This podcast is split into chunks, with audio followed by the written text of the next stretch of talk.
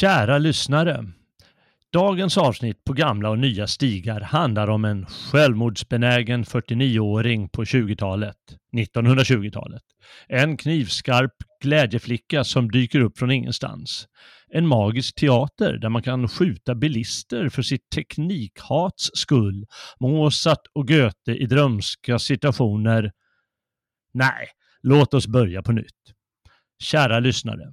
Dagens program på gamla och nya stigar är enbart för förryckta. Om du inte känner av en gnutta galenskap i dig, om du vill leva borgarbrackans trygga liv, om du inte är redo att sätta din själ på spel och om du inte förstår dig på humor, då är det kanske bäst att du avstår från dagens program och återkommer nästa vecka då vi ska dryfta islänningasagan Njals saga. Men om du känner lockelsen av magiska teatrar, av en mångfaldig personlighet, av steppvargen inom dig som vilken sekund som helst biter till, då välkomnar jag och Robin Holmgren dig hjärtligen till dagens avsnitt och ett samtal om Hermann Hesses roman Steppvargen. Du befinner dig på gamla och nya stigar och jag heter Jalle Horn.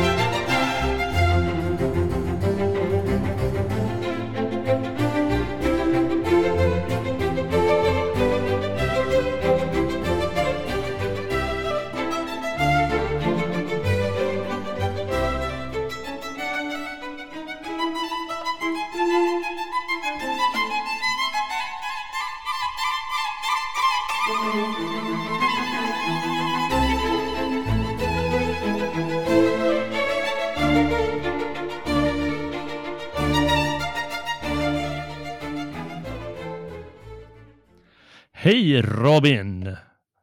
Tjena! Ja, det var länge sedan. Ja, jag måste säga att det där introt var det bästa hittills faktiskt. Du eh, Ah. lyckades med att summera hela boken i introt. Du... Ja, det var ju bra. Ja. Förra gången jag hade det på tråden, då var ju det det bästa för att jag kallade dig en krigare. Ja, jo, jo det, det är förvisso sant. Men eh, rent informationsmässigt så var det här bättre. Härligt att höra. Ja, är du redo för lite magisk teater? Ja, du får gärna guida mig. Mm, jag ska göra det. jag ska göra mitt bästa. ja. ja, nej men eh, jag tror att det eh, kanske vissa känner sig eh, dragna till den här texten lite mer. Jag känner att jag är lite steppvarg i mig, eh, fast jag har lärt mig lite mer av humorns roll än huvudpersonen i den här boken, så jag har inte samma problem med tillvaron. Alltså, du går inte runt och tänker så här, idag kanske jag borde ta livet av mig. Idag rakkniven, fram med rakkniven. Nej, jag går faktiskt inte och tänker på det. Nej. Eh, Men däremot tycker jag att eh, det är en fantastisk bok, eh, Mm. ska jag säga. Du är inte helt övertygad än? Nej. Nej. Eh, det- för det första, ja, vi kommer säkert komma in på det som vanligt. Mm. Men eh, Karn vet ju inte hur man delar upp texter, utan det är liksom några hundra sidor text! Ja. du vill ha kapitelindelningar? Ja, jag jag vill liksom smälta och reflektera och, och tänka så här, det där var vitsigt, och så gå Ja, tillbaka. jag det förstår. finns inte ens någon möjlighet att göra det, när, alltså det finns ju inga, inga stycken liksom. Det finns bara Nej. text. Nej, nej, det är ordentligt. eh, Det är väl inte staplat, men ibland är det långa meningar och Extremt. extremt långa meningar. Det är bra att du säger det. Ska hoppas att vi kommer ihåg att säga det. Eh, Jag, nej, jag tycker det är en fantastisk bok som sagt och jag har ju en helt, kom jag på igår eller något sånt, en helt särskild upplevelse när det Mm. gäller steppvargen. Och eh, det var en gång när jag jobbade på en skola, jag tror det var här, inför påsklovet. eh, alltså sent på eftermiddagen, klockan var väl så här fyra eller någonting. Och så Mm. var det lite så här krasch och boom och så i korridoren eller något så här lä- rum bredvid. Så ah, tyckte jag, nu, nu, nu har jag kraschat och bongat eller bonkat lite så lite för mycket. Så gick jag ut och kollade och så ja, det var några tjejer som var där och så, men hallå, vad håller ni på med? Och så såg de lite försynt ner och sa de, ja, vi leker steppvargen. Och då sa jag, åh vilken lycka! Och det var nämligen en av tjejerna, så jag hade de här ele- eleverna i min klass, eh, och en av tjejerna, hon hade fått i uppgift just att läsa Steppvargen. Och det hade ju gjort intryck, eller hur? Men hur lekte man den leken då? Ja, det vet ju inte jag, jag fattar inte heller, men jag var ju överlycklig. Ja, Gick Det- runt och pekade finger åt eh, borgareleverna. Ja, de gjorde, jag vet inte vad de hittade på för någonting, men jag tyckte ändå det var helt underbart. Jag, ska säga en av höjdpunkterna i eh, min lärarkarriär. Men när eh, tjejerna, liksom 17-åriga tjejer lekte steppvargen. Jag vet inte hur mycket de liksom, fattar mer känslomässigt av liksom, en 50-årings liv, men hon hade tagit till sig den här tjejen och informerat eh, polarna. Ja, det är ju spännande. Ja, ja. ja, det var coolt tycker jag. Eh, ja, vi eh, kan väl nämna någonting om Hermann Hesse först. Eh, har, du, har du läst någonting annat av honom? Nej, det har jag inte. Vad skulle Han du är- säga? Är det, är, det, är det här hans eh, storhet, steppvargen?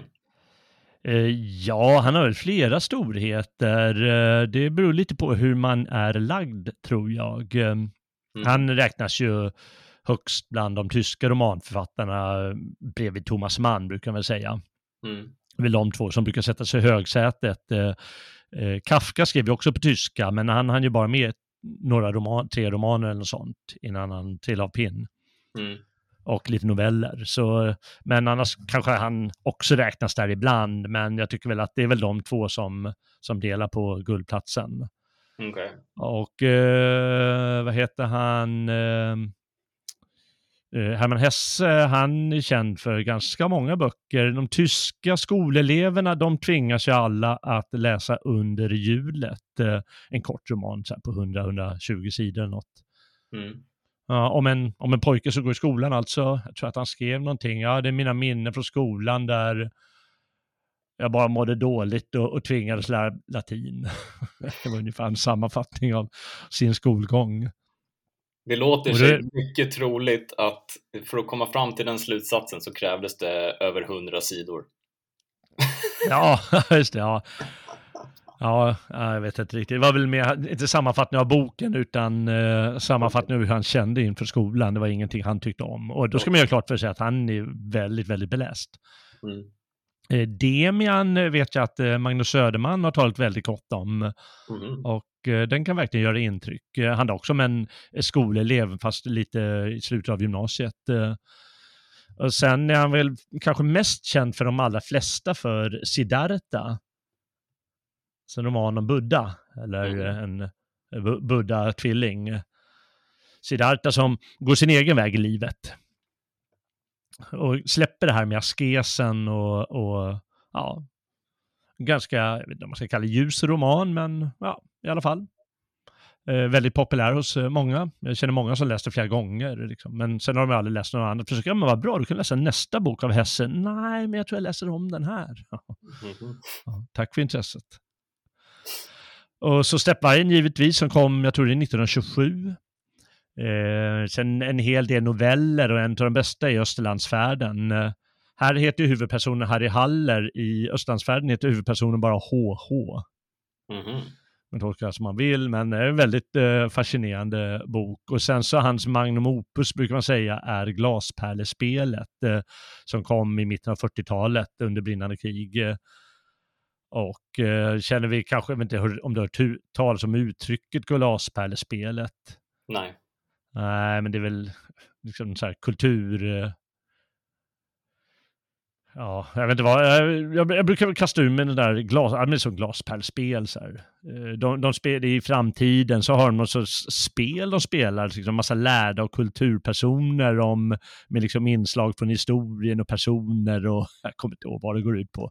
Men det låter fascinerande det där glaspärlspelet. Då ska det liksom ge dem rådgivning eller något sånt. Mhm. Mm. Eh, ja, det är väl några av hans mest, eller det är väl hans mest kända böcker. eh, Och de är ju jättebra allihopa, tycker jag i alla fall. Mm. Och han har fått Nobelpriset och sådär givetvis. Och ja, Vad fick, Eh. fick han det för steppvargen? vad sa du? Fick han det för steppvargen? Eh, jag vet inte vad han fick det för om man ska vara ärlig. Om det var glaspärlespelet slutligen eller om det bara var liksom samling. Han fick det väl ganska sent på 40-talet någon gång eller 51 Ah, okej. kanske rent av eller något sånt. Då var li- livet mer eller mindre förbi. Då han skrivit eh, 30, 30 böcker eller någonting. Mm. Så fick han väl för samlad, samlad verk. Jag vet inte. Men bland annat Steppvargen. Eh, som kom på 20-talet alltså. Och eh, ja, räknas väl till en av de bästa 1900-talsböckerna. Bredvid en del andra. Stora. Han eh, själv, han slog väl igenom någon gång i slutet av 1800-talet, men han får räknas då som en 1900-talsförfattare. Han, han är född 1870 eller 18, på 1870-talet. Han var 50 när han skrev den här i alla fall, eller 49, skulle fylla 50. Och han hade flera livskriser i sitt liv. Eh, inte helt stabil. eh, Och inför den här boken, när han skrev den, gick han bland annat i terapi hos en jungiansk psykolog. För de som är Jung-intresserade, och det kanske man känner lite vibbar av när man tänker på liksom steppvargen inom en som en sorts Mm. arketypisk eh, grej, eller olika delar av personligheten då som eh, Det förklarar faktiskt jättemycket. Jaha, ja, jag vet inte om han, som alla författare så är det inte så att ah, men nu ska jag applicera lite, lite Jung på min bok jag skriver. Nej, men det, om, man får, om man får det här kunnandet Ja, eh, så tror jag att det, det är väl lättare att, för en författare som har skrivit så pass mycket ändå, mm. att eh, mer manifestera det i text. Eh, Mm. Det låter väl inte helt orimligt. vem vet. Han skrev den i, i eh, vä- väldigt fort faktiskt, bara ett par månader. Mhm. Eh, årsskiftet 1926-1927. Och så kom de väl ut strax därpå. Ja, jag, får säga att eh, ja, jag har alltid gillat Hesse. Det, ibland heter de honom, men det är sånt där man läser när man är ung. Det kan man höra så här lite dryga professorer så försöka säga, men eh, då har inte de fattat någonting, brukar jag kontra med. Okej. Och, Harry Haller i Steppvargen är ett, ett exempel på det. Han, är, han ska fylla 50 och han har fortfarande inte fattat hur man lever. Nej. Och då, ja, då har de inte det, de inte fattat det. Men, men det kan ju bero på att eh, han, den här boken framför allt blev ju väldigt inne på 60-talet under hippievågen. Mm. Och den psyk- psykedeliska stortiden i eh, USA bland annat. Eh. Get your motor running. Head out on the highway. Looking for adventure. And whatever comes our way. Yeah,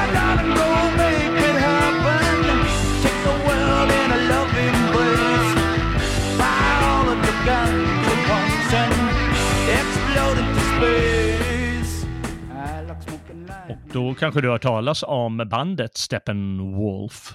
Jajamän, jag hade ingen Ja. aning om att, ja, ja, jag hade inte aning om att det var taget från Hesse i alla fall. Nej, det är taget från den här boken. De hade väl läst det som alla andra skulle göra på den tiden. Och, och så tyckte jag, om so cool shit man, let's go born to be wild with Steppenwolf. Ja, jag vet inte hur de tänkte. Men eh, ja, det kan man ju fråga sig om de också fattar vad det går ut på när, eh, när de liksom tänker hippiekänslan. Men eh, ja, det går väl lite grann i klang med boken. Born to be wild.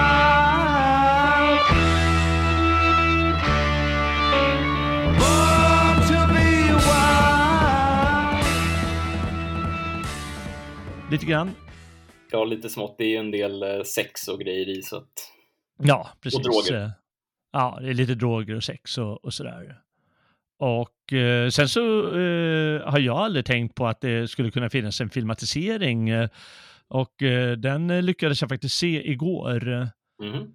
En filmatisering från 1974 med Max von Sydow, eh, allas vår hjälte. Jaha. Att jag är coolast eh, i stan eller Max von Sydow. Han har gjort allting från Judge Dredd och Ming, ärkeskurken i, vad heter den, Flash Gordon, Ja. till eh, Hamsun och eh, Harry Haller. Var den bra? Sådär. Ja, sådär. Följde den boken eller? Eh, Den följde den. eh, Ja, den följde den. Men sen gäller det ju liksom lyckas gestalta den. är ganska svår gestalta när, precis som du skriver, att det är, det är liksom ganska långa slingriga meningar som, som där han beskriver sina känslor och tankar mer Mm. än, en själv, än en handling. Mm. Mm. Ja, verkligen. Men eh, ja, den var okej och det var kul att se Max von Sydow. Eh, det var lite besvärligt eh, att höra vad alla sa, för det var Max von Sydow, han är ju svensk och han klar, talade i klarska engelska. Och sen så var det en fransyska som spelade Hermine, den här glädjeflickan. Och sen så var det väl någon eh, liksom spanjorsk, eh, spanjor eller något sånt som spelade den här Pablo. Mm.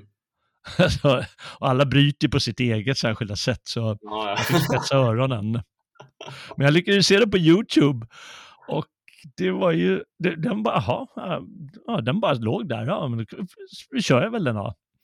Men sen så slog datorn back ut igår kväll och då kunde jag inte se klart den. Ja, jag får Mhm. se den imorgon, det är väl inget problem. När eh, internet så har vaknat igen. Och då så, då tänkte jag när den fast hackade lite på ena datorn, då, då provade jag på en annan här, där jag har linan inkopplad.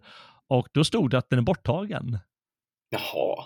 Ja, då, då är liksom någon, jag vet inte varför, någon bara märkt det på YouTube, att man får inte sätta upp sånt förstås. Det är ju uh, upphovsrättsskyddat material. Eh, men då var den borttagen, men då så i och med att- jag ändå hade buffrat den så mycket på en annan dator så låg den kvar där. Mhm. Så kunde jag titta färdigt i alla fall. Ja, det är bra. Men du, vad handlar boken om då? Det måste vi ju prata om. Ja, det måste vi väl säga. Det har du rätt i. Eh, ja, den handlar om en gubbe som heter Harry Haller och det har framgått att han är 49 år och inte helt... eh, att han är lite vilsen i världen. Och Lite han är väl någon sorts eh, skriftställare som skriver lite dikter och lite recensioner och, och lite artiklar och, och böcker och så. Ja, och han är ju typ pacifist. Så Alltså han, en pacifist också, eller han var det i alla fall under kriget. Ehm, mm, Man får inte glömma att alltså, folk kommer fortfarande ihåg kriget eh, på hela 20-talet. Eh, jo, ja. Dels, eh, dels för att eh, minnet är kvar, för att det var så, det var ju så starkt, det var ju liksom som masslakt. Eh, och dels förstås för att i, i Tyskland så kände de ju extra av det under de här hå- extremt hårda eh, Versaillesfördraget. Mm. och eh, all, all tokeri som hände på 20-talet. Eh, Mm. Så, så eh, vad det- var det du sa? Nej, men det, det är rätt intressant faktiskt, för att han, han är ju den här ehm, karaktären som liksom inte lever, utan han bara gör grejer. Han skriver sina böcker, han pratar, men han lever ju inte. Nej, han lever lite vid sidan av samhället får man Ja, säga. men precis. Han är Eh, någon sorts eh, outsider, alltså på den tiden. Outsider Ja. idag ser väl lite annorlunda ut, men eh, Men han är ju liksom, han föraktar ju borgarklassen och sådär, men samtidigt så är det ju också så att alltså, det är ju Weimar-tiden, så att det är ju liksom dekadensen som aldrig har funnits förut. Det- är ju liksom manifesteras i Tyskland under den här tiden. ja, Eh, och det är han ju ganska delvis negativ till. Han har ju aldrig Ja. fattat det här med jazz och dans och han har aldrig tagit ett danssteg i hela sitt liv, utan han har hållit sig inom hela den lärda kulturella sfären. Ja, men precis. Så han har ju inte Ja. levt, han har ju inte levt på riktigt liksom. Nej, nej, det kan man säga. Han, eh, han, har haft, han har någon tjej eller något sånt eh, i någon annan stad som han träffar eh, någon gång varannat år eller något sånt. Eh, och så Mm. blir de ovänner. och så, man får inte så, reda på så mycket om hans liksom, liv, annat än att han är så här, skri, eh, eh, skriftställare och han, i den här boken har han just tagit in hos någon tant som hyr ut ett rum i sitt hus. Mm. Eh, som ett litet hotell blir det då. Och eh, som sa, han, han föraktar ju borgaren, men han tycker ändå det är lite skönt med den här eh, rena känslan och så, att det luktar rent i trapphuset och sådär.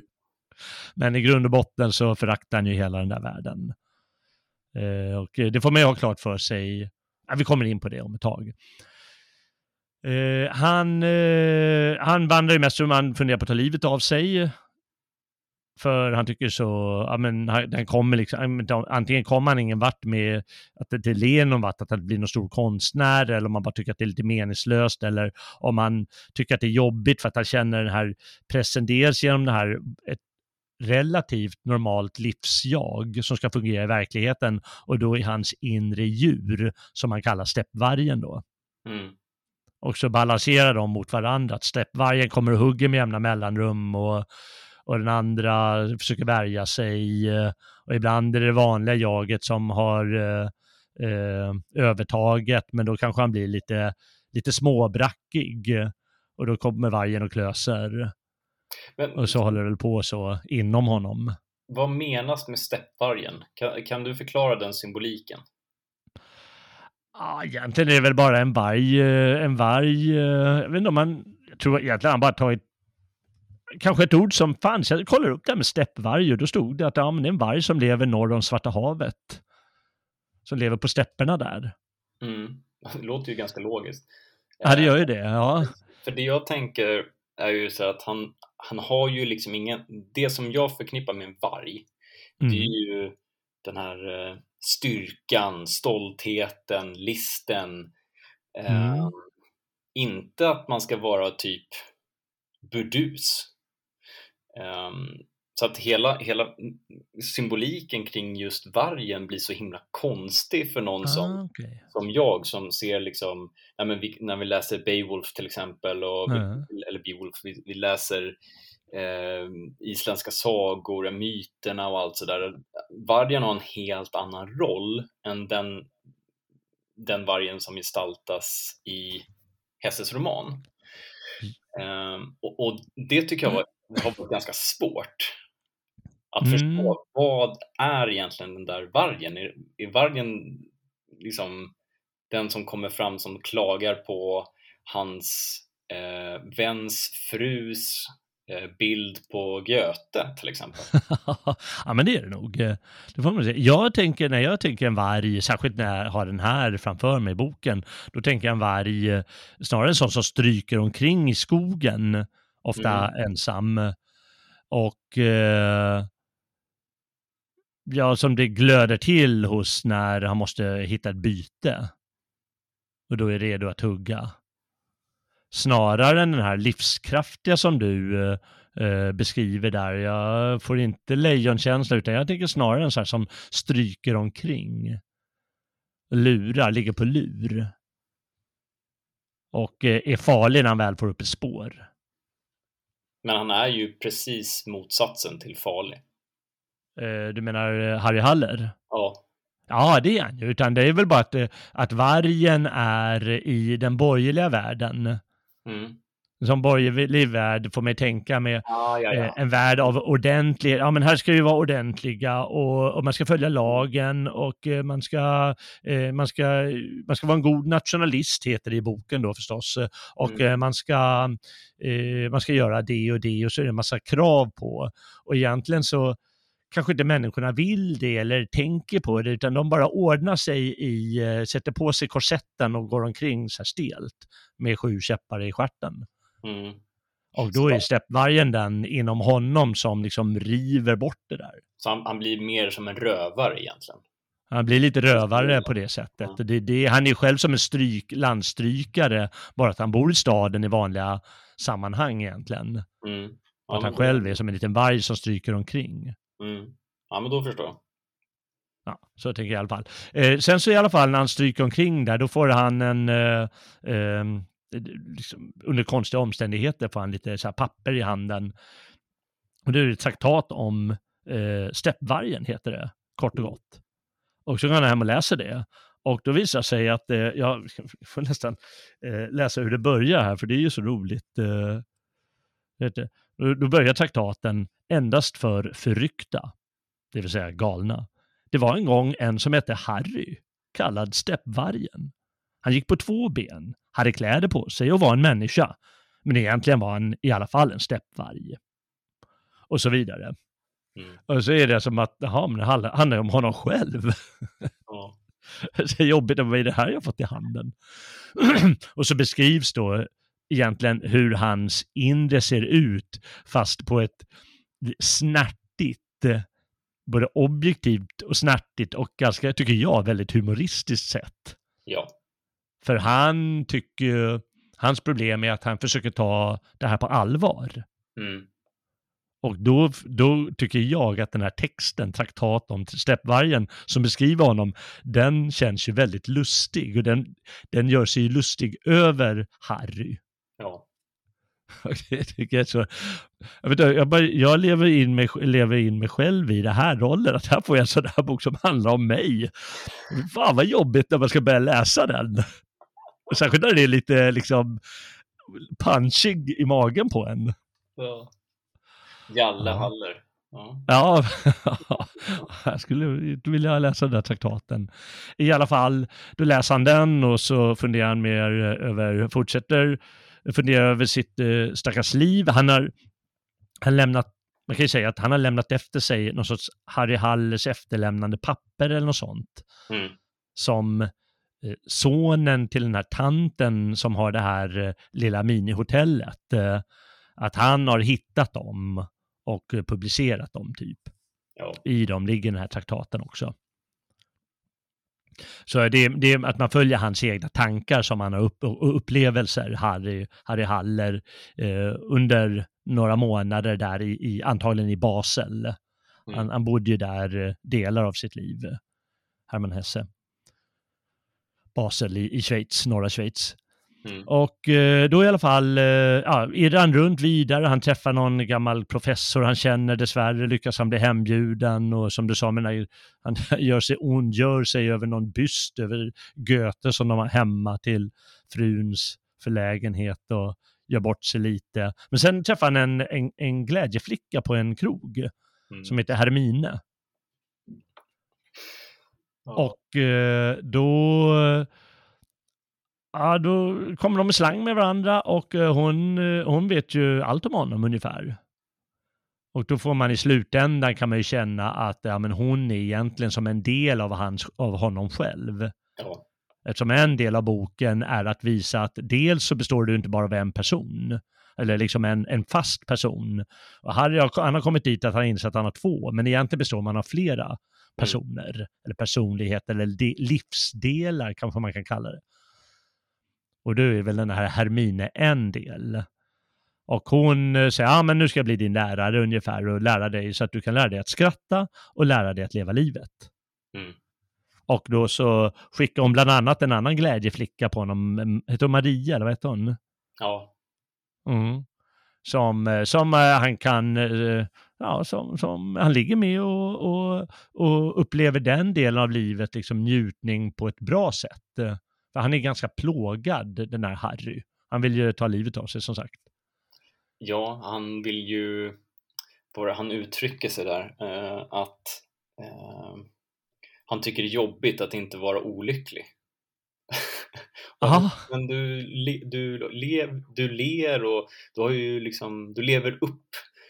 Ehm, Du eh, har lärt dig att dansa och, och alltihopa. Du kan ju röra dig utan att vara stel. Han bara, jo men det, det, det är inte så att jag är liksom ledsen över att inte är olycklig. Jag är bara Mm. olycklig över att eh, jag inte är som jag brukar ungefär. Alltså att han, han är liksom fast i den här identiteten av att han ska må dåligt. Eh, Och Mm. det, det är jobbigt att han inte gör det längre. Ja, just det. Det är jättekonstigt. Ja, Men samtidigt... Ja, men han kanske har någon idé om konsten, att den föds ur lidande eller något sånt där. Ja. Som de ja. stora tragedierna hos de gamla grekerna eller Shakespeare eller hans egen bok här, eh, Steppvargen, att den är ju på ett sätt född ur ett lidande. Mm. Får man ändå säga. Men då är det ju hennes poäng och hennes kompis poäng, för hon, hon, hon är ju eh, vän med en eh, saxofonist som heter Pablo. Och eh, då är det deras idé att han saknar ju en stor grej och det är att han inte förstår sig på att skratta. Mm. Och då är liksom en, en del av boken att han ska, lära sig, han, han ska lära sig att leva och han ska lära sig att skratta. Och, eh, och då är det som, som att humorn blir en sorts eh, lösning på alla problem. Mm. Så, och det är någonting som eh, Hesse själv har hakat upp sig på, att det är så många som har de hakar upp sig på lidandet och så i boken, men det är ju humorn som är huvudrollen. Det är det som är det roliga. Det är det som är det viktigaste i boken och jag, jag skrattar ju nästan varje, varje sida. Alltså, För jag tycker att eh, jag, jag förstår väl det där liksom självironin eller någonting. Men så rolig är den ju inte. Jag tycker det är skitrolig. Jag skrattar hela tiden. Det, det roligaste i boken det är när han förklarar negrer. Det tycker jag är roligt. det tycker du är roligt. ja. Du kanske måste gå i skola hos den här Hermine. Ja, men det är en ganska intressant, alltså det, det är väldigt intressanta karaktärer i boken. Men man får ju aldrig tillfälle att liksom smälta och reflektera över dem utan det är bara liksom fullt ös från start. Ja, det blir lite så. I grund och botten handlar det bara om Harry och hans projektioner, eller vad man ska kalla det för. Ja, Och, eh, och hans behov. Ja. Som, som kommer till stånd. Men nej, jag, jag vet inte, jag, jag tycker i alla fall att det är underhållande. Jag kanske inte skrattar, liksom, skrattar jättehögt hela tiden, utan jag tycker liksom att det är väldigt underhållande, liksom den sorts självdistansen som, som krävs för att skriva en sån här. Jag menar, alla, alla, det, det, det har ju sagts både om den här boken och i nästan alla hans böcker, att det handlar om honom själv ofta. ja, och det är ju aldrig en, en romanförfattare skriver om sig själv, det funkar inte så. Men eh, han, det, alla hör ju Harry Haller och Herman Hessa till samma in, initialer och båda är, är terapioffer liksom och har sina livskriser och så vidare. Eh, det är klart att det har med honom att göra. Gamle Herman eh, och eh, behov av att lä- lära sig eh, saker och ting i livet. Och det tycker jag är ändå stimulerande att han lyckas ge den här självdistansen rakt igenom och det tycker jag är humoristiskt gjort. Men det kanske är hur man ser på saker och ting. Ska, ska vi avslöja slutet eller ska vi inte prata om det? Ja, det är ju knep. Jag tänkte att vi kan säga att eh, han blir i alla fall eh, på slutet inbjuden till en, eh, han, han ska gå på bal Mm. med den här Hermine och då ska hon, då ska de, då ska hon slutligen, eller han ska slutligen bli förälskad i henne då. Mm. Och då säger hon också, eh, säger hon innan, redan när de träffas, att då kommer du döda mig. Mm. Ja, och sen så ja, går han där och så ja, händer massa grejer på den här balen. Han ska egentligen gå därifrån, men då får han en lapp att jaha, oj, här, stanna kvar, typ. eh, Hermine är, är där och där. Och sen så kommer han till en, ett, ett ställe där på slutet där de har en magisk teater. Mm. Och då kan gå in i olika dörrar och uppleva olika saker. En är den här grejen jag så, sa i början och det är liksom en av de mest kända eh, passagerna i romanen. Att han går in och eh, han träffar någon gammal kompis eh, när han var barn och så skjuter de bilar. Helt... Så kör, kör ut för klippor och så blir det eld och lågor och skrattar. Ah, fick vi en till! Det roliga var Mozart. Och så träffar Mozart och det är jäkla roligt när han träffar Mozart. Eh, Ja, och då så liksom eh, fall, jag vet inte om man ska säga att allt faller eh, på plats eh, till slut, det kanske man inte kan säga, men då är i alla fall det är klimaxet, den här magiska teatern och hans eh, att han liksom ska komma till insikt på någonting sätt, på något sätt. Ja, Förstå det här med humor och skratt till slut. Och sen kan man ju fråga sig hur väl han lyckas, men eh, det får, eh, får väl eh, läsaren ta reda på. jajamän. Eller lyssnaren, om de, om de inte har hört någon Steppvargen, eller läst Steppvargen än. ta och läsa den.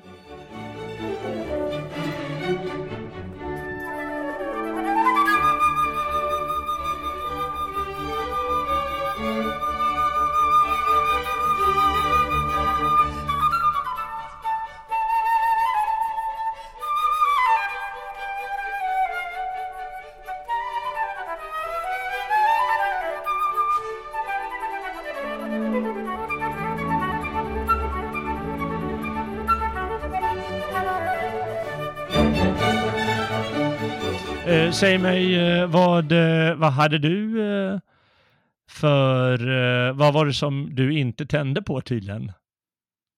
Med boken? Ja, förutom de här långa slingriga, me- slingriga meningarna ibland. Ehm, ja, och rent generellt så är jag svårt för dekadens eh, och den här eh, jag kommer ihåg Magnus pratade om den, det var någon här serie som gick på SVT Play för som handlade just om Weimartiden och liksom dekadensen runt det. Mm. Ehm, och den här boken passar väldigt väl in i den tidsepoken.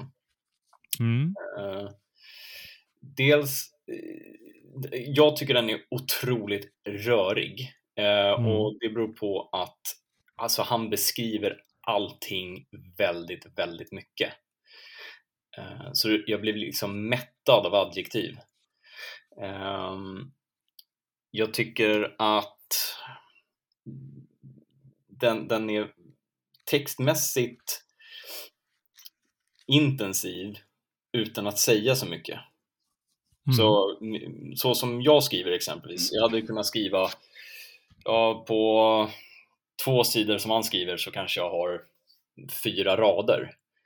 Och, och det, det, liksom, det, det blir så jäkla mycket så jag, jag, alltså, jag märkte att jag kunde liksom inte läsa så många sidor åt gången för det blev liksom bara korvstoppning hela tiden.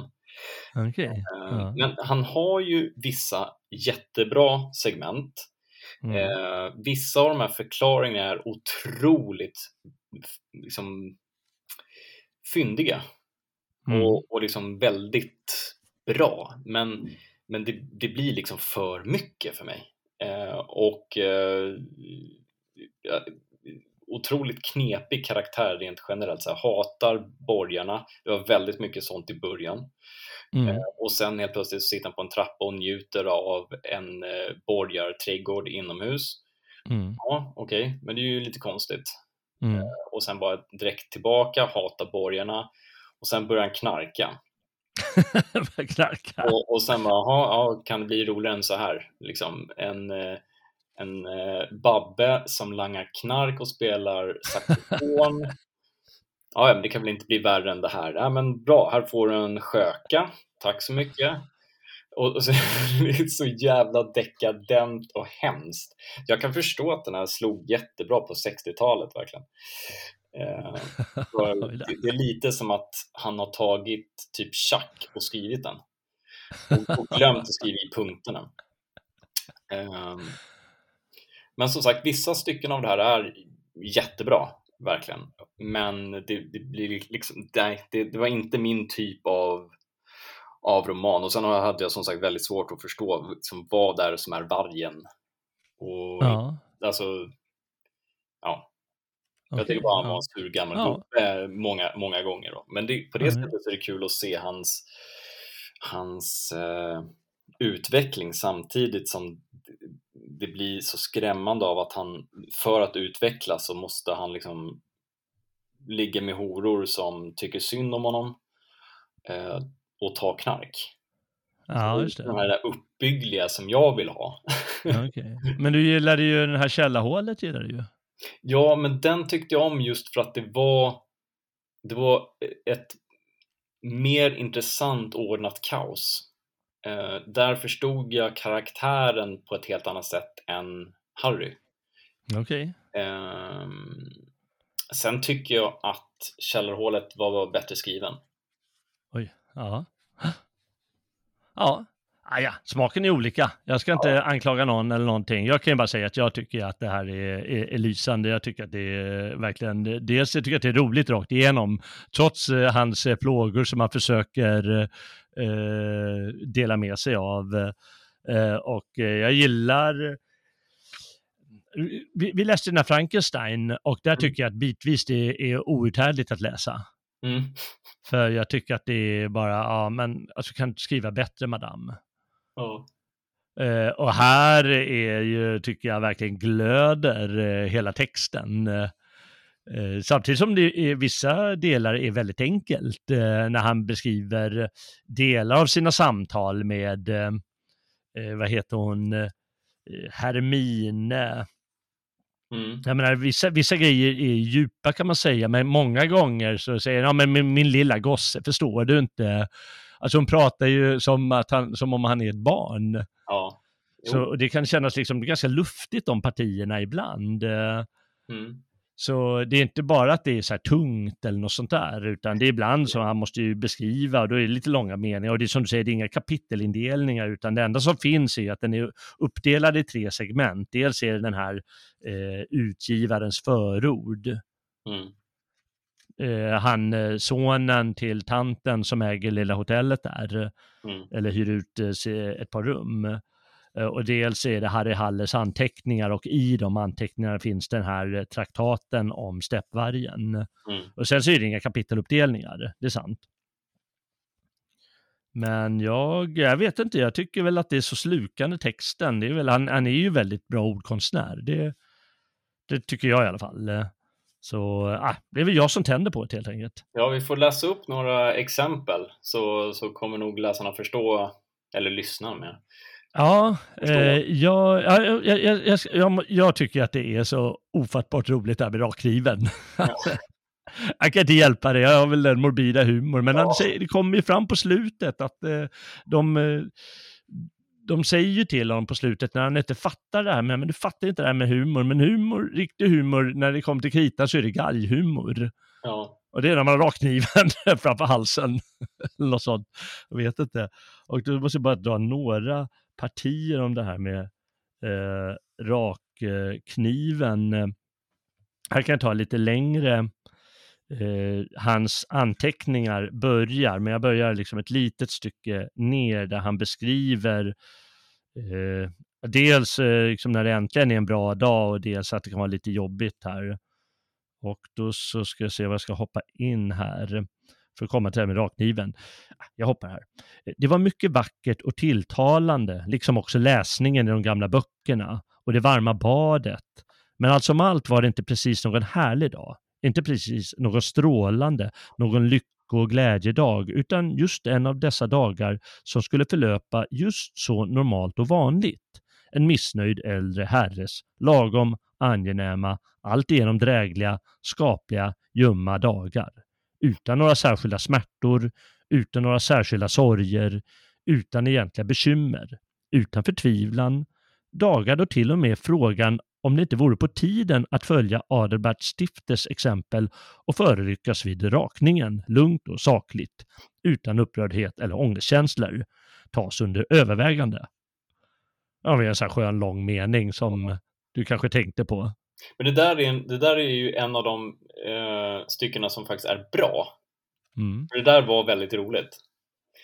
Och det finns ju som sagt flera eh, guldkorn i det, men det är ju allt innan och efter där. Det blir liksom... Allt innan och efter, ja. det är Ja. roligt. Men eh, jag ska bara ta ett par ställen till med rakkniven, för jag, kan inte hjälpa att han- Hans problem är att han, han, han går och tänker på att ta livet av sig för att det är så allvarligt, för att han inte klarar av att skratta. Och då, då, med den här självdistansen som jag tycker kommer fram hela tiden, då blir det här med rakkniven, det blir nästan humoristiskt. Då måste jag dra ett par sådana ställen som jag kommer ihåg.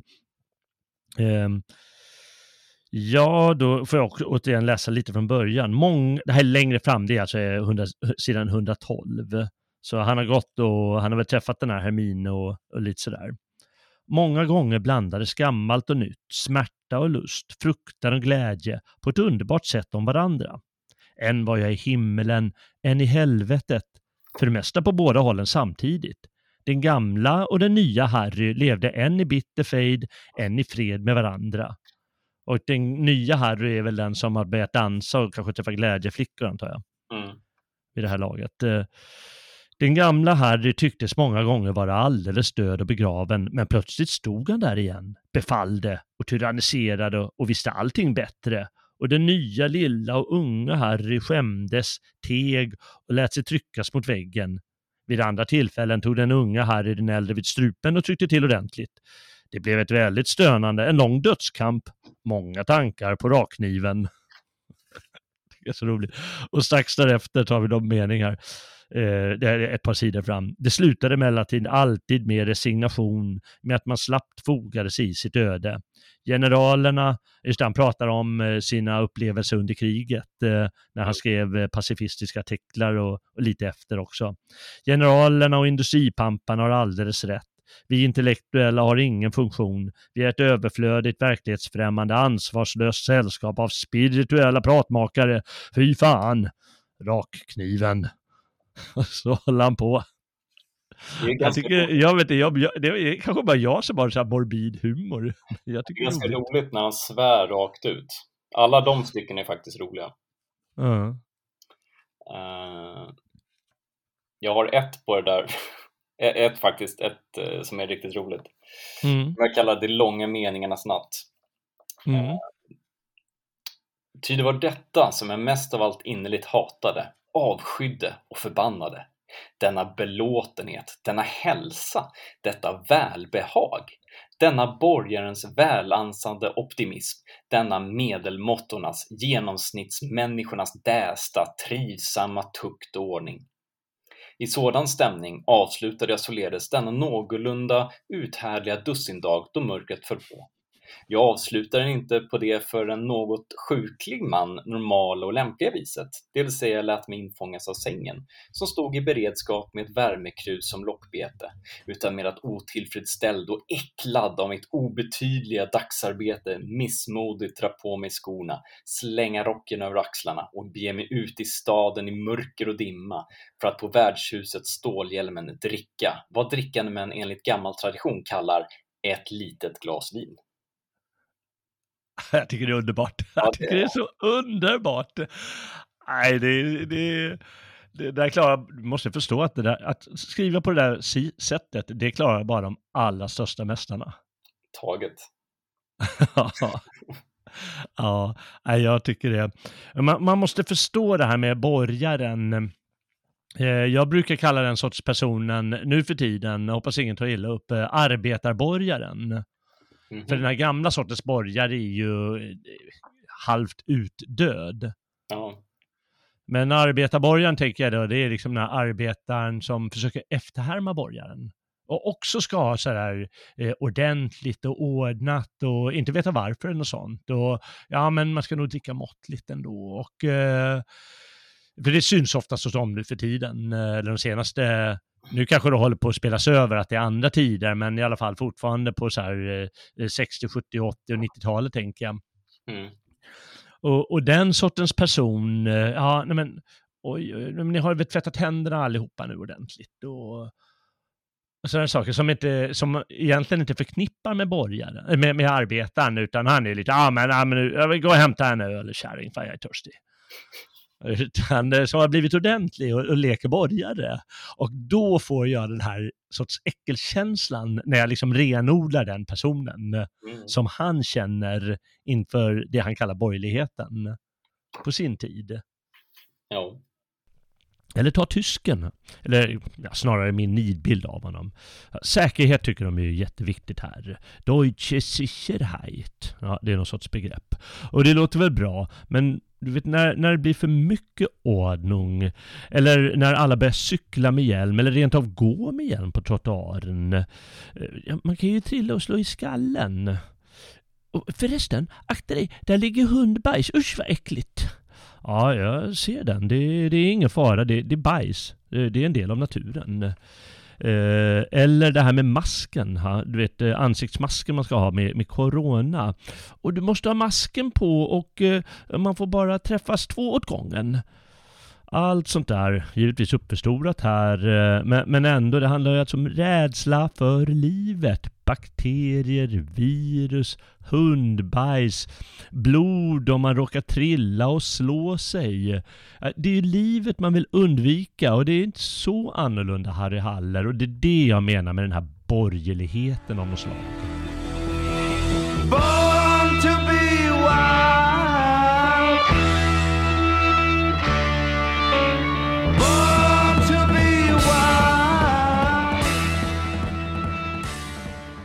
Han, han, sk- han skriver om det, eller det står i den här traktaten. Jag ska se om det är där. Jag kan läsa ett litet stycke här. Mm.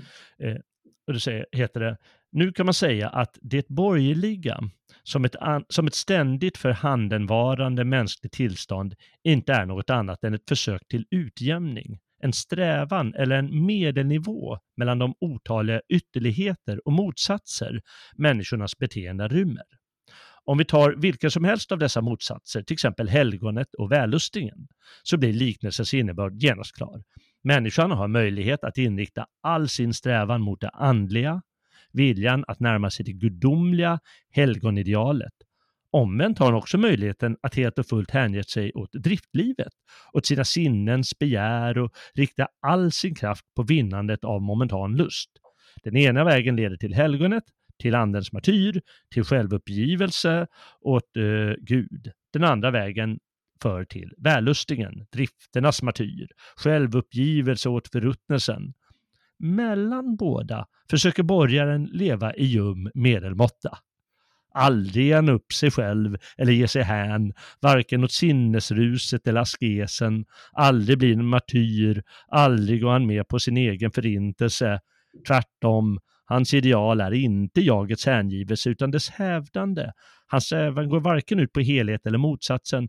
Det absolut är honom motbjudande. Och så vidare. Ja, han vill ha det trevligt och bekvämt. Har du sett filmen Sirens med Hugh Grant? Nej. Eh, Den utspelar sig i Australien och då är han och hans kona, de är väl någon sorts eh, eh, utskickat prästpar. Och då ska de, kommer de i slang med en målare där, väldigt överdriven. Och han lever med tre tjejer. Tre sirener, tre, tre, tre, tre, tre eh, sexgudar. Eller gudinnor. Och eh, det är ju he- det, då är det så otrolig clash mellan honom som är, han som är präst då och ska försöka vara lite eh, intellektuell och så eller så ibland och den här konstnären och hans eh, liv där med tre donnor som han må, alltid målar nakna. Och då ligger Hugh Grant och eh, ska ha sex med sin eh, eh, fru i sängen där. Och då så slutar han ganska snart, det är ju släckt och så, lampan måste vara släckt givetvis, man får inte se någonting. Och så, och, på- och så knarrar sängen. Och så stannar han upp och säger I'm sorry darling. och så blir det liksom inte mer eller sånt där. Utan då är det liksom att han inte kan ge sig hän. Ja, ja.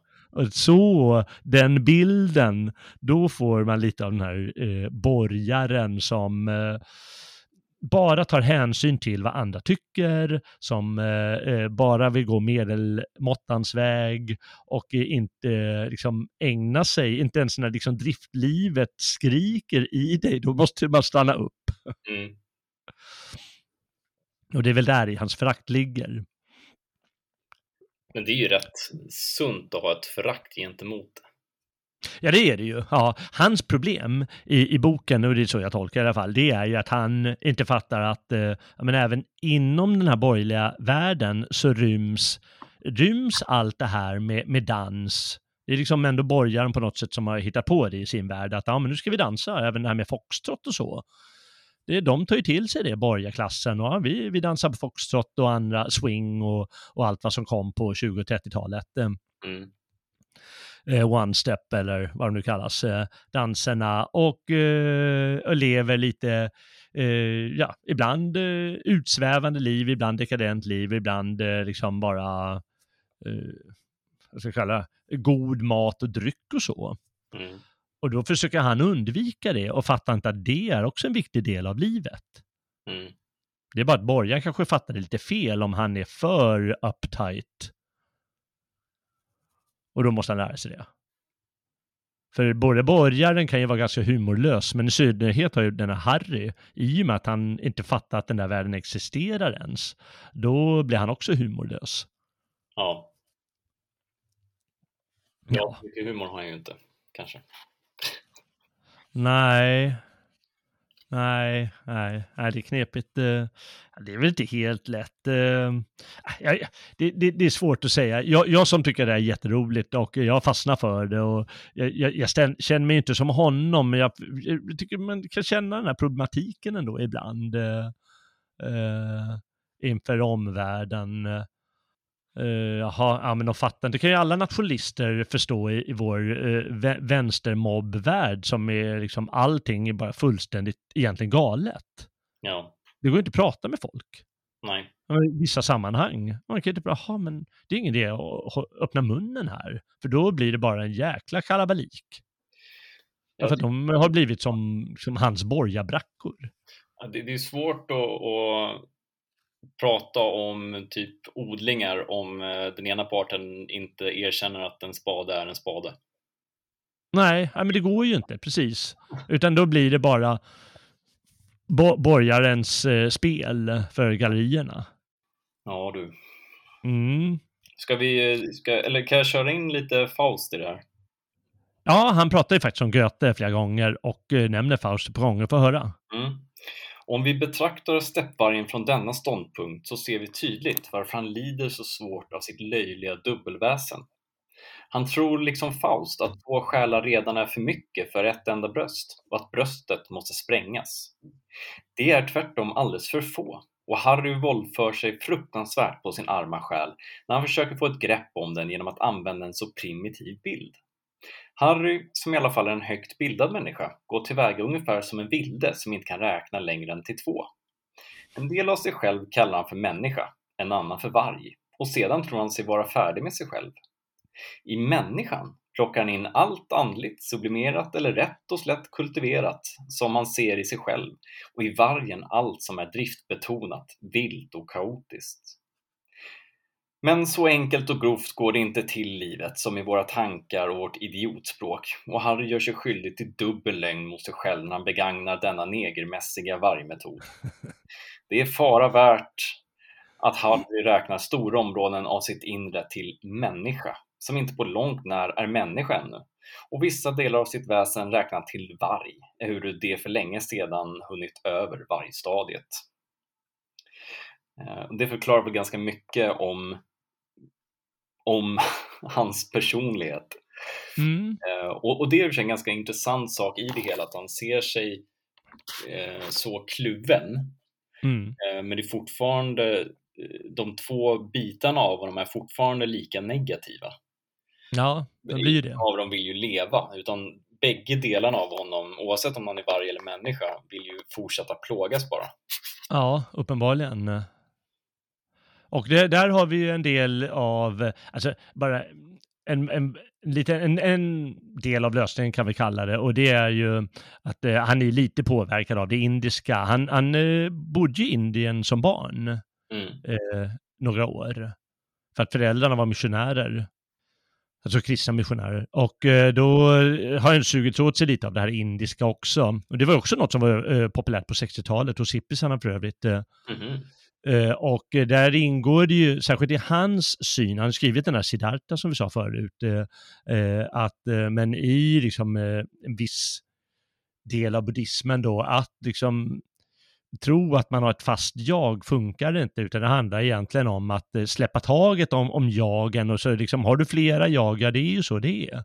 Mm. Du har ju flera upplevelser och liksom ge dig hän åt livets ström därigenom. Mm. Men när man försöker koncentrera sig och tro att man har liksom ett fast jag och det är min person och det är den jag är och det är jag hela livet. Då, då kan man inte göra det, utan då kommer man fastna i de här problemen. Det är som Harry som har kommit på att ja, men jag har faktiskt två jag. Jag tror att han är, är jättesmart. Men det är inte, han, det är inte alls inför en leende Buddha. Men jag förstår inte, om, om man bara har ett jag, så Mm. jaget kan ju fortfarande vara flytande, alltså evigt. Jo, det borde kunna vara. Men man får nog tänka sig i en eh, lite västerländsk eh, filosofisk kontext att den har varit väldigt upptagen av eh, eh, vad man då kallar subjektet i filosofin som kommer från och med Descartes framför allt på 1600-talet. Eh, eh, och då är det liksom ett behov i filosofin att se liksom människan som, eh, som sluten kring det här subjektet och att det är ett fast jag på något sätt. Eh, Mm. och eh, då skulle det, om man, om man går till eh, de eh, visa östlänningarna, så skulle det vara en bluff så att säga. Mm. Det kanske är en kristen idé också, att eh, ja, men vi föds med vår själ och det är den vi har och den är på ett särskilt sätt då. Men det är klart att eh, det, be, det behöver ju inte beskrivas på det sättet. Det kanske mest så att filosofin och kulturen har, liksom, och borgerligheten har format eh, människorna på det sättet. Mm. Mm. Det var ju känd, det var en intressant eh, tagning faktiskt. För om du föds med arvsynden så är du liksom om du inte kan komma undan det så kan du liksom inte förändra dig heller. Nej, nej. Och, och har, du ligger alltid på minus så att säga. Ja. Ja. Ja, eh, det är lite, det är väl, man ska väl inte dra för stora växlar på det där, utan man får koncentrera sig att han säger i alla fall, eh, han har ett behov av att hitta flera delar hos sig själv än att bara låta den här steppvargen och hans eh, eh, Harry-jag eh, bråka med varandra. Ja. Och eh, då är det lite mer, då, han säger ju det också att, eh, ja men borgaren, de kallar ju en sån person schizofren. Mm. Men de har ju inte fattat någonting av världen, utan det är bara sätt för dem att stänga sig för tillvaron, Ja. de säger på det sättet. Eh, För de vill inte erkänna saker i sig, kanske liksom den starka driften man har, eller lusten att eh, dra en ärkefylla, eller kanske dra en lina eller sånt där. Eh, jag vet inte vad folk längtar efter, eller bara, jag vet inte vad, gå ut i krig. Det är ju någonting som är helt förbjudet nu. Jaha, men det är ju helt fruktansvärt. Vem kan vilja något sådant? Tänk om du fick höra det. Robin. Men det är ju en del av ditt jag som du bejakar. Varenda man med ett vanligt eh, testosteronflöde skulle älska det. Ja, skulle jag, du ser, men de flesta förnekar för de sluter sig inför tillvaron. Och det är ju det som den här romanen eh, vill eh, ta upp eh, och det är därför folk, bland annat därför folk kanske mår dåligt Ja. och längtar och går och funderar på rakkniven. Ja. ja, men det är faktiskt sant. Det är, det är ju rimligt. Det som Mm. Mm. Och sen är inte Harry, han är inte lagd så, för han var ju pacifist under kriget och, Mm. och det kan man ju också förstå. Man förstår det här fruktansvärda brodermord som, som skedde i uh, upphöjt till hundra. Ja, verkligen. Men det är ju, kan man ju också fatta att folk var pacifister under första världskriget. Eh, Mm. meningslös slakt av britter och tyskar, fransoser bara hur som helst. Eh, Ja, det bästa ur eh, hela befolkningen som bara försvann. Han bara försvann i ett slag liksom och ingen är hjälte vid dagens slut. Vilket jävla skitkrig. Ja, ändå måste det genomföras va, det är ju bara så det är. det måste varit så otroligt många barn som växte upp utan fäder alltså. Ja, ja, ja visst. Det, det, finns, det, det var ju en, en, en särskild tid och strax efter kriget att uh, unga män, du kan ju fatta vad de fick göra. Ja. De fick ju ligga med alla kvinnor de eh, kunde drömma om, om de var lite driftiga. Ja. Kvinnor längtar ju efter män, eller hur? Eh, ja. Ja, och vi- eh, om det inte finns några män tillgängliga, då tar de ju liksom, jaha, men där, om det finns ett, tio kvinnor på en man, så, ja, det låter jobbigt. Men jag tänker, jaha, det låter jobbigt att vara kille då. eh, låter det inte då rimligt att eh, förfallet blev naturligt efter första världskriget? Att det blev den här dekadensperioden och så blev det, eh, eftersom det fanns fortfarande tillräckligt många veteraner som var emot den här dekadensen och, och ville ha eh, det här syftet som, som striden alltid ger. Ehm, och därpå så skedde eh, motreaktionen mot den här dekadensen och mot socialismen. Eh, och så dog det igen. Och till slut fanns det för få män kvar. Och då blev det liksom bara den här långsamma stegringen i dekadensskalan tills vi är där vi är idag. Mm. Ah, Jag vet inte, det är ganska svårt. Ja, men dekadensen det fanns ju redan i mitten av 1800-talet eh, och i grund och botten byggdes det på konstnärers förakt för borgaren. Att de inte kan förstå, de vill inte förstå, de får en dikt framför sig och enda sättet för dem att eh, säga att det här är någonting bra, det är om ett visst antal professorer har sagt att det här är bra. Ja, jo. Annars, ja men det där är nog dåligt. Men De sen, är inte intresserade där Bled. det var ju borgarna som köpte böckerna. Och som Ja, det var ju för sig. Ja, jo, men det är det. Där har vi det igen, att det fattar inte Harry, att i det här borgerliga livet så finns det ändå en sfär som bejakar livet. Mm, Och som ägnar sig åt dans och ägnar sig åt glädjeflickor. Jag menar, även borgaren, han går ju på bordell i, i smyg i nattens mörker. ja. Ja. Ja, det är knepigt det där med dekadensen och eh, vad det beror på. Sen, eh, eh, på sätt och vis är förstås den här boken en del av det, att den beskriver ju det, men den skriver ju det på ett, som ett behov som han i alla fall måste ta itu med. Det är något Ja. som kan få honom att skratta och leva eh, på ett lite sundare sätt rent av. Ja, alltså det blir ju lite som när han går på den här balen. Alltså det är ju som att först så förstår han ingenting. Eh, Mm, Sen blir han uppeggad av Hermin mm, eh, och eh, då släpper han loss och det blir ju mer så att han i och med att han inte har upplevt det där förut mm. så ballar det bara ur. Då följer han bara med den här massextasen. Mm. Um, vilket är intressant för det är ju Ja, det är jätteintressant. Jag tycker faktiskt det är väldigt vackert eh, beskrivet. Han skriver ju att eh, eh, när, han är, när, han, när han, han, han är på väg hem, för han är besviken, han, hittar aldrig den här Hermine och då, han, då ska han gå hem och då får han en lapp i handen och då står det, jag tycker det är så jätteroligt, eh, måste bara kolla. Eh, lappen, lappen, jag har ju skrivit där. Där står det lappen. 142. Jajamän. Här. Eh, då står det I natt från klockan fyra magisk teater. Endast för förryckta.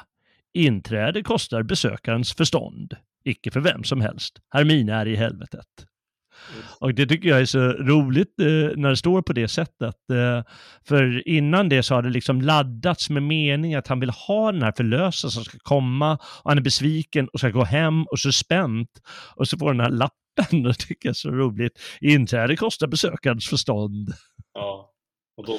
Och då går han ner i det här eh, där några dansar mest som mest intensivt eller festen är som bäst eller något sånt där. Och där så beskriver han eh, väldigt vackert tycker jag eh, en eh, sån här eh, se session av Unio Mystica. Mm. Det vill säga liksom som seansen hos, eh, eh, ska man säga, nä nästan som om, om man tänker sig en gammal grekisk religiös tillställning. Mm. Och då man, eh, då man går upp i seansen så mycket att man, eh, att man hamnar i extas. Eh, Och då blir det ju Unio Mystica där alla människor förenas på ett mystiskt sätt. Mm. Och det tycker jag är väldigt, det skriver han väldigt vackert där någonstans. Men det där kan jag känna igen. Eh, Ja, När jag var bety- eller yngre, skulle jag säga, ja, eh, älskade att gå och, på sådana här eh, transfester. Eh, för det blir ju så att när det blir en, en solid bas så mm, du dansar ju bara till takten hela tiden. mm, mm. Inga så här konstiga så här hiphop-skit. Nej, nej. Då håller jag med Pluton Svea, hiphop är skräp. Men Ja. eh, då blir det lätt så att man går upp i den här, det, det blir som en ännu tyngre bas för att man, man, man stampar liksom till den här takten hela tiden. Och då blir det väldigt speciellt. Mm, Eh, väldigt speciell typ av människor som, som gillar den där typen av musik. För det, det, det är aldrig någon som bråkar, alla är bara trevliga. Eh, förvånansvärt många är helnykterister. mm. Och det är väldigt speciellt. Och, och vanliga så här, krogsammanhang och vanliga dansgolv och sådär, det når liksom aldrig dit. För Nej, är det nej. fortfarande, det är för många borgare kanske som står på dansgolv ja. bryr sig om vad alla andra människor tycker. Ja, just det, just det. Man måste ju komma förbi det tillståndet och då hamnar du ju i det underbara ruset. Eh, Ja, Och det gör du ju med alkoholen och med, med dansen och med den här Union Mystica där alla dansar. mm. Eh, och du kommer in i, som du säger, rytmen eller vad det kan vara. Och då, kan ju, då, då uppnår du ju ett särskilt extatiskt tillstånd som är jäkligt häftigt. ja precis. Ja, det är ju samma, samma variant som man gör för att köra en trumresa liksom. Det är den där takten tills man släpper en del av sig själv. Mm. Just det. Mm. Det är sant. Ja, nej, jag har också upplevt en och annan sån där eh, fest. På Nor- Norrlands nation i Uppsala, kommer jag ihåg. eh, Mm. Jag hittade, ja men det är ju ännu ett dansgolf, fan vad häftigt, det är nästan ingen här. Och så- och en liten minibar där. Ja, ja. ja. Ja det var ju de tiderna då man eh, levde Harry Haller. Ja. Men, men jag tycker återigen det här med, med humorn är ju väldigt viktigt eh, och eh, att han inte fattar vad det går ut på. Och jag tycker du pratade om Goethe förut och då är ett stycke, jag kommer ihåg, han, har en dröm där Goethe figurerar. Mm. Och då, då kommer fram så bra tyckte, då, då böjer sig Goethe fram och satte sin mun som nu liknade ett barns tätt intill mitt öra och viskade tyst. Min gosse, du tar gubben Goethe alldeles för mycket på allvar. De gamla som redan är döda ska man inte ta på allvar. Då gör man dem orätt. Vi är ju odödliga, tycker inte om att bli tagna på allvar. Vi älskar skämtet. Allvaret, min gosse, är en sak som är hemma i tiden. Det uppstår så mycket, det uppstår, så mycket vill jag tala om för dig, när man överskattar tiden. Även jag överskattade en gång tidens värde. Eh, det var därför jag ville bli hundra år. Men i evigheten ser du finns ingen tid. Evigheten är blott ett ögonblick och vara just lagom länge för ett skämt. Vadå? Var, evigheten vara lagom länge för ett skämt? Och, men just det här liksom, spänningen mellan allvar och skämt eh, tycker jag då är väldigt, eh, väldigt angenämt. Eh, det, det träffar mig i alla fall väldigt bra den här boken. ja, som sagt, vi har ju tagit upp några riktiga guldkorn. Det har vi ju. Mm. Men det finns även väldigt vackra partier. Eh, jag, jag tycker, jag, det är inte att jag gillar sådana här långa meningar, man måste behärska dem för att skriva dem. Och du kan ju fatta om man är översättare. Mm. Tyska kan forma väldigt långa meningar. Och det är väldigt irriterande att läsa. Eh, och en översättare som inte förmår göra det, då, då, då, då kan det vara ganska illa. Men jag tycker han, han gjort det väldigt bra den här eh, Sven, eh, vad heter han nu? Sven Stolpe. Mm. Väldigt bra. Ja, eh, vi har ju Jag har väl hört honom för övrigt. Mm. Sven Stolpe. Eh, passande. Nu får jag läsa upp en sak angående döden och sånt. Ja, det måste du göra. Döden vill vi höra om. Märkvärdig var den blick Hermine gav mig. Spefull och skämsk och full av förstående kamratskap och tillika så full av vetande och tyngd och avgrundsdjupt allvar. Det ska du inte göra, sa hon helt modligt. Även om du vet att din strid blir utan framgång så blir inte ditt liv platt och dumt för det. Det är mycket plattare, Harry, om man strider för något gott och ideellt och tror att man måste vinna striden. Är då ideal till för att uppnås? Lever då vi människor för att avskaffa döden? Nej, vi lever för att frukta den och så åter älska. Och det är kanske just är för dödens skull som livet ofta lyser så härligt en kort stund. Du är ett barn, Harry. Var lydig nu och kom med mig. Vi har mycket att göra idag. Nu tänker jag inte bry mig om tidningar och krig mer idag. Och du? Åh nej, jag ville göra som hon. Um, och anledningen till att jag fastnade för det här var för att hon har helt rätt. Eh, Mm. Alltså det är när vi ser döden som vi uppskattar livet. Just det. Eh, och ingenting kan få dig att leva så mycket som när du står där vid eh, klippbranten och ser, ser döden, kort och gott. Alltså det är då, eller när du ser ett annat liv, som när ditt barn föds till exempel, då Mm. allting bara förändras. Eh, Ja, ja visst. Samma sak är det när man ser eh, döden, men man är liksom en aktiv del av att inte hamna där, så att säga. Mm.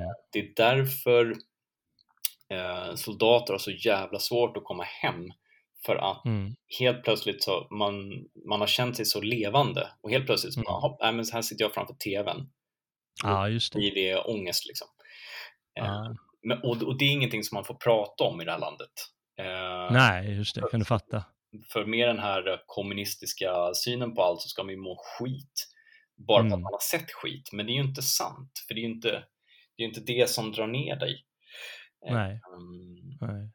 Nej, det, är ju, det är ju det som är problemet med ett värld som har blivit så förskonat av kriget som kanske efterkrigstiden har blivit. Eh, Jag menar, där återkommer ju jättemånga amerikanska filmer med folk som har varit i Vietnamkriget. Ja, in- inte minst, eh, ja, vad heter den bara för det, med, med Sylvester Stallone.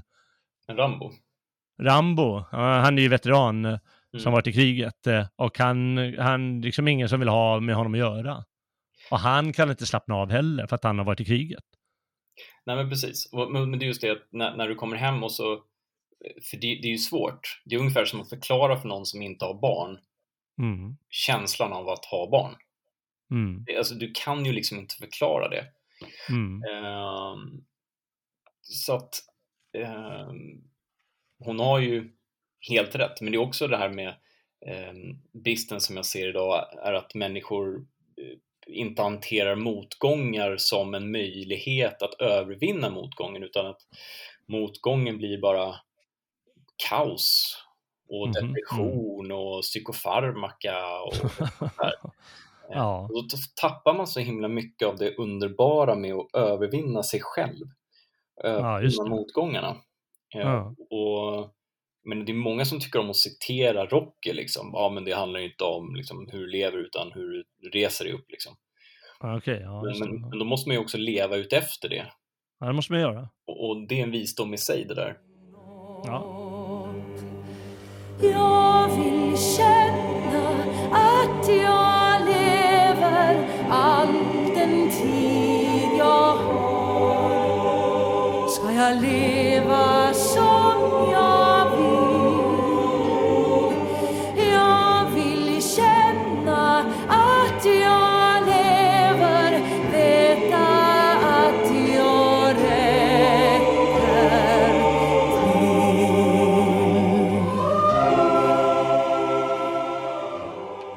det verkligen. Och boken går ju mycket ut på det, att kunna övervinna motgångarna på något sätt. Det är väl det han måste göra. Harry. Ja, men han väljer ju en väldigt märklig väg. Ja, eller han halkar in på en märklig väg kanske. Ja, Men han är ju en märklig person också, får du väl tänka. Alltså, jag föredrar ju den där Hermin framför Pablo alla dagar i veckan. Alltså. Pablo. Ja, han är ju så fantastisk saxofonist. Men, men hon säger många grejer som är bra. Jag har också ett litet stycke som, eh, jag måste nästan nämna någonting här, eh, Hermine. Och eh, jag vet inte riktigt vad, hur de kom in på det, men han säger att ja, eh, om, en, om, om att man, man borde tänka på ryktet. Ryktet hos eftervärlden är viktigt. Och då säger nej lilla varg, jag tycker jag är roligt, nej lilla varg, inte ryktet, skulle det ha något värde? Och tror du verkligen att alla verkligt äkta och helgjutna människor har blivit berömda och kända av eftervärlden? Och då fortsätter jag lite längre ner. Hon pratar om hur hon eh, egentligen tillhör de fromma som har längtat efter Gud och så, som Mm. gamla helgon och så. Säger hon först eh, väldigt kraftfull mening här. Men till evigheten hör också bilden av varje äkta handling, kraften i varje äkta känsla även om ingen vet om det och ser det och skriver upp det och bevarar det till eftervärlden. Det finns ingen eftervärld i evigheten, bara samtid och det här med liksom ryktet som är viktigt. Och sen säger hon lite fortfarande, när hon, eh, fortsätter hon prata om de fromma som hon egentligen då tillhör, Mm. som, som helgonen och så vidare. Och då säger man och strävar efter, dit hör vi, där är vårt hem, där strävar vårt hjärta steppvarg och därför längtar vi efter döden. Mm. Eh, och där återfinner du din Goethe och din Novalis och Mozart och jag, alla mina helgon. Eh, där, det finns många helgon som först var stora syndare. Även synden kan vara en väg till heligheten, synden och lasten. Ja, du skrattar. Men jag tänker mig ofta att kanske också min vän Pablo kunde vara en förstucken helig man. Ack Harry, vi måste gå igenom så mycket smuts och orimligheter innan vi kommer hem och vi har ingen som leder oss. Vår enda ledare är vår hemlängtan. Ja, det där är ett jättebra segment i boken. Och sådana passager tycker jag är, de är väldigt starka och det är ju ganska typiskt att den lägger många sådana i hennes mun. Ja, Det är någonting han måste få eh, lärt av en, av en enkel glädjeflicka. Och då kan man tänka på en sån som Dostojevskij igen, att eh, i hans eh, böcker, då är till exempel i Brott och straff, eh, där är ju eh, den som delger huvudpersonen Raskolnikov visdomar, det är ju också eh, en, en, en hora. Som tvingas leva på eh, att sälja sin kropp för att familjen ska klara sig.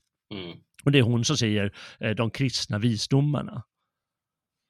Det där är ju spännande alltså. Ja, det, det kanske är en lite, det, det kanske är, lätt blir en kliché, men, men det är ju liksom spännande när de gör det bra, författarna och, och kanske filmmakare och så. Men samtidigt så kanske det finns eh, ett korn av sanning i det att eh, en vilsen man antingen måste vägledas av äldre män eller Mm. kvinna Ja, ja, ja, vem vet. som njuter av Men det livet. ska vara en sund kvinna, det ska vara en glädjekvinna då. Ja. Det ska inte säga till samborna. Ja, nej, jag, jag, jag skojar bara. Ja, nej, jag vet inte, men eh, det är ju intressant det där hur det, hur det funkar i alla fall och hur det framställs, eh, åtminstone i, i litterära sammanhang. Det är väl inte, som sagt, de är inte helt ensamma, Dostojevskij och eh, Hesse i det där avseendet. Eh, att en enkel person får säga sanningarna. Men det, det är kanske det som är lite av skärmen, att den man minst förväntar sig ska komma med visdomen är den som gör det. Nej, just det. Och det blir lite så. Dels har vi Hermine, men är liksom den som håller i den här magiska teatern, det är ju den här Pablo. Din, eh, vad kallar de? Tjackbabb eller vad du sa? Han är ju bara spanjor, nu får du väl vara lite hygglig. ja. Men, Eh, men ja, han håller i den här magiska teatern och där upplever han ju fascinerande grejer, det måste man ändå säga. Vi ska väl inte säga för mycket om allt han upplever där. Nej, Men det är så jävla kaotiskt. Men Ja, det, det, är, det är lite kaotiskt, men jag tycker att det, är, det blir ju väldigt, väldigt roligt på slutet. Eh, Jag, må, jag måste nästan läsa upp ett stycke som jag tycker är så jäkla roligt. Eh, Och det, han träffar Mozart mm, och Mozart förklarar massa saker till honom till tonen av eh, Don, Ju, Don Juan, eller Don Giovanni. Han- En av hans bästa operor, som i slutet har väldigt eh, eh liksom mörka tongångar givetvis, för att han ska dras ner i helvetet då, Don Giovanni. Och då tänker jag förstås för mycket på allvar och sådär, men då så förklarar Mozart för honom hur saker och ting eh, eh ligger till. Och eh, då säger han hur Harry berättar för sig själv då, eller skriver ner plötsligt, ah, men jag kände mig ganska illa till mods efter att Mozart har förklarat saker och ting. Om... ehm, det handlar om musik och sådär. Eh, jag känner mig ganska illa till mods. Jag såg mig själv, en dödstrött pilgrim, dra genom skogarna på andra sidan, belastad med alla de många alldeles onödiga böcker jag själv skrivit, med alla de uppsatser, krönikor och dylikt som jag författat, följt av en här av sätt sättare som hade, alla hade arbetat på dessa skriverier, av hela den här av läsare som hade måste sluka dem. Herregud! Så håller han på. Och så lite längre fram, allt detta måste man alltså sona i en oändligt lång skärseld och först sedan skulle den frågan bli aktuell om bakom allt detta också verkligen något personligt, något eget funnes eller om mitt arbete och dess resultat blott vore tomt skum på havet, bara meningslös lek i skeendets flod. Mozart började skratta högt när han såg hur lång jag hade blivit i ansiktet. Det är så roligt. Och så säger jag lite lustiga grejer till honom. Och det är liksom det här att han, han tycker att ja, men det, det ska ju vara så allvarligt och viktigt alltihop. Och tänk när det kom till kritan så är det liksom bara en del av livets skeende. mm. Och inte mer, mer värt än ett skämt. Och så, ska man, så måste man nästan tänka om Mozarts samlade verk också, hur mycket man än älskar dem. Ja. Att inte ta allt på för mycket allvar, i alla fall inte sig själv. Nej, det håller jag med om. Livet är mycket roligare om man kan skratta åt sig själv. Ja, det är ju det. Och eh, det är ju det han ska lära sig givetvis. Eh, Att lära sig att skratta åt det. Mm. Ja, och då kan man ha, kan man ju antingen avnjuta det eh, som jag då, måste man kanske vara lagd på ett särskilt sätt. Eh, eller, eh, ja, jag vet inte vad. Eller ska man vara dötrist och tråkig som jag? Jag kan bara tycka att det är skittråkigt att bara plåga. Jag gläder mig i alla fall åt eh, min 17-åriga eh, elev som uppenbarligen gick igång på ett på något sätt. Ja, Eh. Ja, vi, vi kanske ska överlämna resten av eh, magsmältningen åt eh, lyssnarna som eh, kanske själva får ta sig igenom det här. Eh, antingen då har tyckt att det här låter ändå rätt spännande eller ja, sagt att ja, men det kan jag göra i nästa liv. ja. Det är detsamma för mig, men eh, jag menar att man går miste om någonting. Jag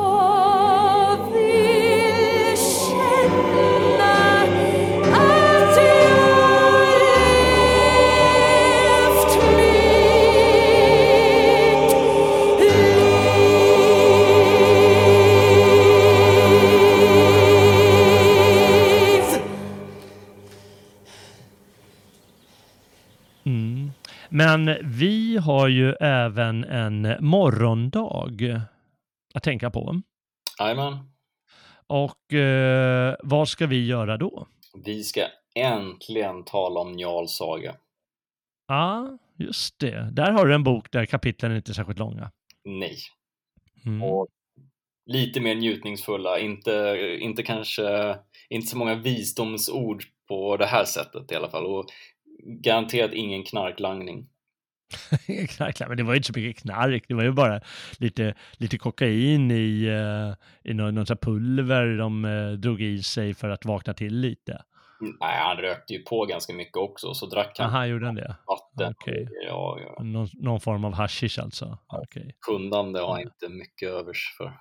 Men ja, Nej. skitsamma. Nej. Nej, det blir Nej. Njals saga jag kan säga redan nu att vi har mycket intressant på gång faktiskt. Ja, just det. Eh, Så det är alltså vårt eh, nästa projekt som eh, för vår del sker redan imorgon. För lyssnarens del först om en vecka Mm. då det programmet sänds. Eh, Men nu vet vi alla vad, eh, vad ni har framför er. Eller hur? Ja, jag hoppas att de har det. Ja, jag hoppas jag. Jag hoppas att de eh, vill följa med på det programmet eh, och, och lyssna. För det, det, jag ser också fram emot det. Även om jag tycker att Steppvargen är bättre än Jarl Saga. Men eh, Nej. smaken som baken som det heter. Nej, men det kan du ju inte mena. På riktigt. Ja, Och, jag menar på riktigt. Det finns bättre böcker än Steppvargen, men eh, ja, jag tycker nog att eh, den är bättre än Jarl Saga. Men det är också en underbar bok, Jarl Saga. Det ska bli kul att, att tala lite om den. Och eh, eh, på, tal, om brodermord som vi eh, pratade om förut, eh, mm. hur saker och ting kan eskalera. Det ska bli spännande och det är ju en milstolpe i den isländska litteraturen. räknas ju som den största isländska ättesagan. Jajamän. Så eh, eh, häng gärna med på det äventyret, eh, ni som lyssnar. Och eh, ja, med det får vi väl helt enkelt eh, börja avsluta det här. Eh, har du någonting att tillägga om Harry Haller och Hermann Hesse och steppvargar och sånt? Nej. Ehm, inte mer än att den har sina guldkorn. Har sina guldkorn? Ja. ja. Eh, jag avslutar med att säga, ägna inte för mycket tankar på rakkniven. Det finns roligare saker att göra. Ja. Eh, med det så sätter vi punkt för i afton. Eh, om, om du gillar vad du har hört får du gärna stödja oss på Svegot genom en stödprenumeration eller en donation eh, eller bara ett mejl eh, eh, där du tackar så mycket om du tyckte att det var intressant. Eh, du, eh, genom, för att stödja oss kan du gå in på svegot.se och där kan man klicka eh, teckna stödprenumeration eller donera. Då får man mer information om hur det fungerar. Jag hoppas att du har tyckt att det var ett intressant program och återkommer nästa gång då det blir Njals saga för hela slanten. Till dess önskar jag bara att säga en sak. Väl mött, frände.